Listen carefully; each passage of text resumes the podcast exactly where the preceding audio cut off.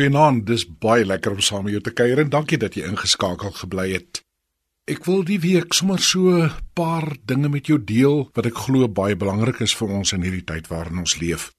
Ek lees 'n rukkie gelede dat uh, toe iemand 'n baksteen deur 'n ruit van 'n baie klein kerkie in Malatya aan Turkye gooi, het die gemeentelede 'n baie groot besluit geneem.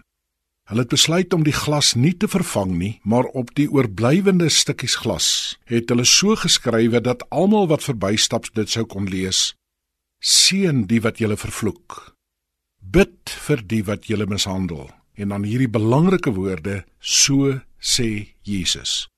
Dit was gelukkig net 'n venster sal iemand sê en en dis nou nogal maklik om so ding en dis baie mooi om so ding op 'n venster te skrywe. Dis waar, maar miskien moet ek vir jou hulle verhaal vertel net so rukkie voor dit. Is twee van hulle gemeentelede en 'n sendeling gemartel en uiteindelik doodgemaak.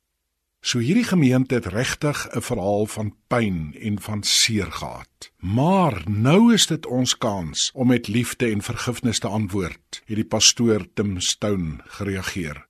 Nou is dit die tyd om Jesus se woorde uit te leef en nie net te praat nie. Jesus saamstem, dis 'n aangrypende boodskap vir ons wat baie maal wonder oor die toekoms.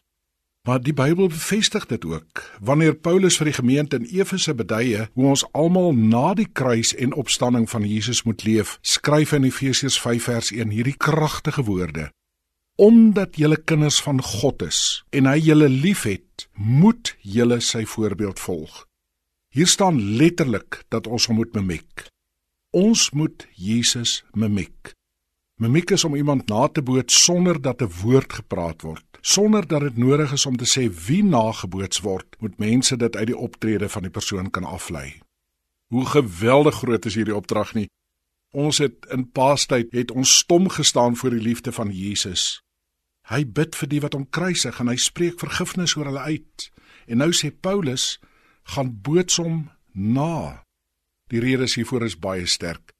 Hy het ons liefgehad. Hoe kan ons dan anders as om ook lief te hê? En ons is sy kinders. Hoe kan ons anders as om na hom te probeer lyk? Daar is op die oomblik baie stukkende vensters reg oor ons land.